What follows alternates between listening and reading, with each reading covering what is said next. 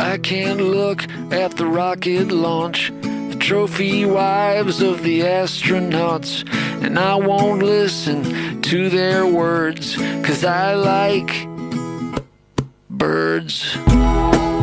Andrew Buitendag is ons voelkenner. Ons het al blootgestel aan 'n hele paar baie interessante gevleeldes hier in Suid-Afrika. Andrew, hallo, gaan dit met jou? Hi Janine, goed dankie self. Fantasties, baie dankie. Jy weet 'n mens moet eers mooi oud raak voordat mense sê die wysheid met die grysheid, né? Maar dis asof eile se se reputasie hulle vooruitloop. Hulle is sommer so wys gebore al in die persepsie van die wêreld. Ja. So ek seker jy gaan 'n paar interessante goeders vir ons kan kwyt raak vandag oor eile.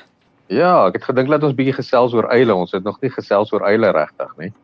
En uh natuurlik is baie mense dink aan aan eile en dink aan allerlei bygelowe, jy weet, ek kan onthou die ou mense het altyd gesê dat as daar eil op jou huis se dak kom sit, dan gaan iemand in die huis doodgaan en al sulke goeders. maar weet jy, hulle is regtig merkwaardige voels en hulle is tog al dodelike jagters ook. Ehm um, ek wil spesifiek wil ek 'n bietjie praat oor uh ons grootste eil en dit is natuurlik ons reuse ooreil of in Engels is sy naam die Verrees Eagle Owl. Mm, mm, mm, mm, mm.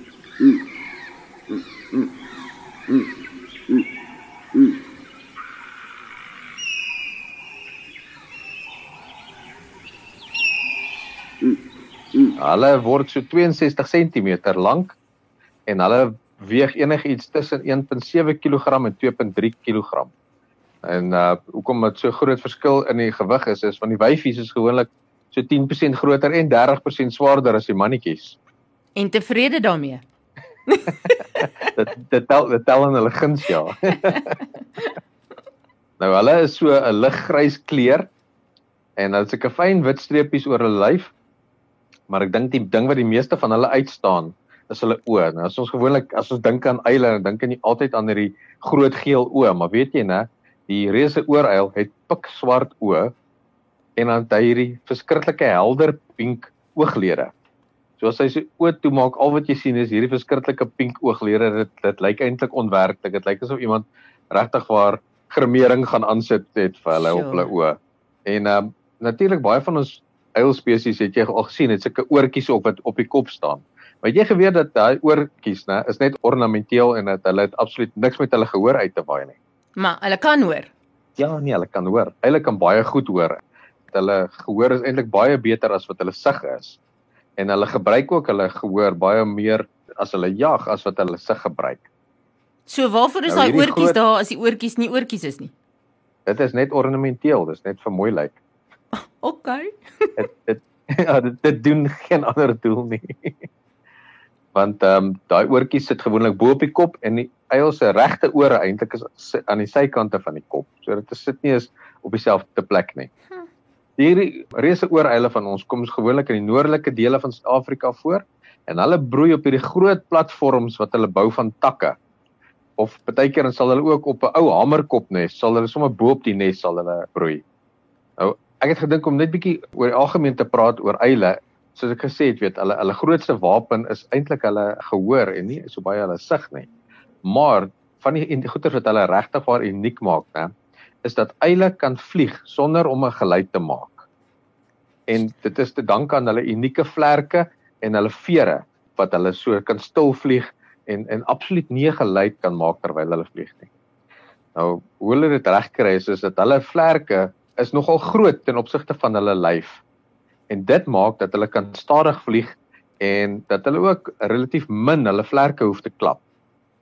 Maar wat dit ook uniek maak is is, is dat hulle sulke kamagtige kepies aan die voorkante van hulle vlerkvere. En daai kepies wat op die vere is, breek die lug op as hulle vlieg en dit absorbeer ook die klank wat gemaak word deur die wind. En dit maak dat hulle absoluut geruisloos kan vlieg. Sure. En om stil te kan vlieg, né, het twee voordele vir die eile. Eerstens, hulle prooi hoor hulle nie aankom nie, so hulle het 'n beter kans om iets te kan vang maar dit help ook die uil in terme van om sy prooi op te spoor want dit beteken hy kan dan luister as alles om hom doodstil is en hy self nie geluid maak nie kan hy beter hoor waar sy prooi is nou wat vir my uitstaan van die uil ten opsigte van Romeine 1 vers 20 is juist daai ding van dat hy nodig het om stil te wees om te kan hoor. En dit is vir my ook baie belangrik dat baie keer moet ons leer om stil te raak, jy weet, sodat ons ook God se stem kan hoor. En nie net God se insaag nie, maar daar's soveel wat ek dink realiteite van ons wêreld is wat as ons breine so vreeslik besig is, ons mis. Dis asof Satan mense kop vol vol prop met besigheid en belangrike goed en krisislys en al daai tipe van dinge. So nie net kry jy nie goddelike inspraak omdat jy nie kan stil word nie, maar jy let nie op om bedreigings te sien of geleenthede te sien, potensiaal te sien, al sulke goeters wat daar buite is, maar uh, nie sigbaar of nie hoorbaar is nie want ons is te besig en ons is nie besig om op te let nie. Um, en God kom hierso en hy maak spesifiek hierdie uil om vir ons te wys hoe belangrik en wat se voordeel daarin is om te kan stil word. En tog is dit vir ons mense so so moeilik om stil te word. Ja, ek dink dit is een van die goeie wat ons geleer het nou in hierdie lockdown tyd is dat ek baie van ons is geforseer geweest om stil te begin word, jy weet. Ja. Dit help ook om om om God se stem beter te hoor. Jy weet daai skrif in die Bybel van die profeet wat in die rotswand weggex wat die Here hom wegsteek sy hand voor hom sit en hy sê sy stem is nie in die rukwind nie, sy stem is nie in die storm nie. Sy stem is in daai en hy sagte fluistering. Um 'n hele ja. afdeling, 'n hele hoofstuk wat die Here spandeer daaraan om vir ons te wys. Die wêreld skree en adverteer en gaan te kere, maar as jy die Here wil hoor, dan moet jy kan stil word. Ja, jy gaan moet kan stil word. En daar's nog iets wat my opval, is hierdie ding van die uil wat so geruisloos vlieg. Ons praat baie keer oor die drie goeders wat mense in die geheim doen: bid en vas en gee. Is goed wat mense in die geheim doen. En hierdie beweging wat absoluut geruisloos is, herinner my aan presies hoe God hierdie ding doen. Soveel keer doen hy dinge wat ons nie besef wat hy vir ons doen nie. Of dit nou beskerming is en of dit nou voorsiening is en of hy ons hier bietjie rig en daar bietjie doen wat ons nie bewus is daarvan dat hy doen nie. Geruisloos. Ehm um, so net soveel dat mens stilte nodig het om hom te hoor, net soveel doen hy in stilte dit wat ons nie eers van weet nie. En dit is wat hierdie groot reuse ooruil se geruislose vlug nogal vir my wys. Nou maar toe as hy 'n reuse ooruil nodig het om daai boodskap vir ons oor te dra, wa, heeltemal tevrede. Jy gaan dit hierdie goed is nou post, jy het 'n Facebook bladsy en alles waar jy die goed post, né?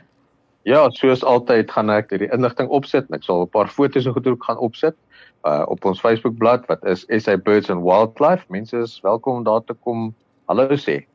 En uh, daai SA Birds and Wildlife kan mense voorstelle maak vir jou en foto's stuur vir jou en vir jou vra wat is die en al sulke goeders ook. Ja, enige tyd asseblief. Meer as welkom om vir my goeders aan te stuur. Okay, so dis SA Birds and Wildlife. Dis reg ja. En dan praat jy bietjie met Andrew buitendag. So daai het jy dit, die reuse ooruil, Geromeine 21.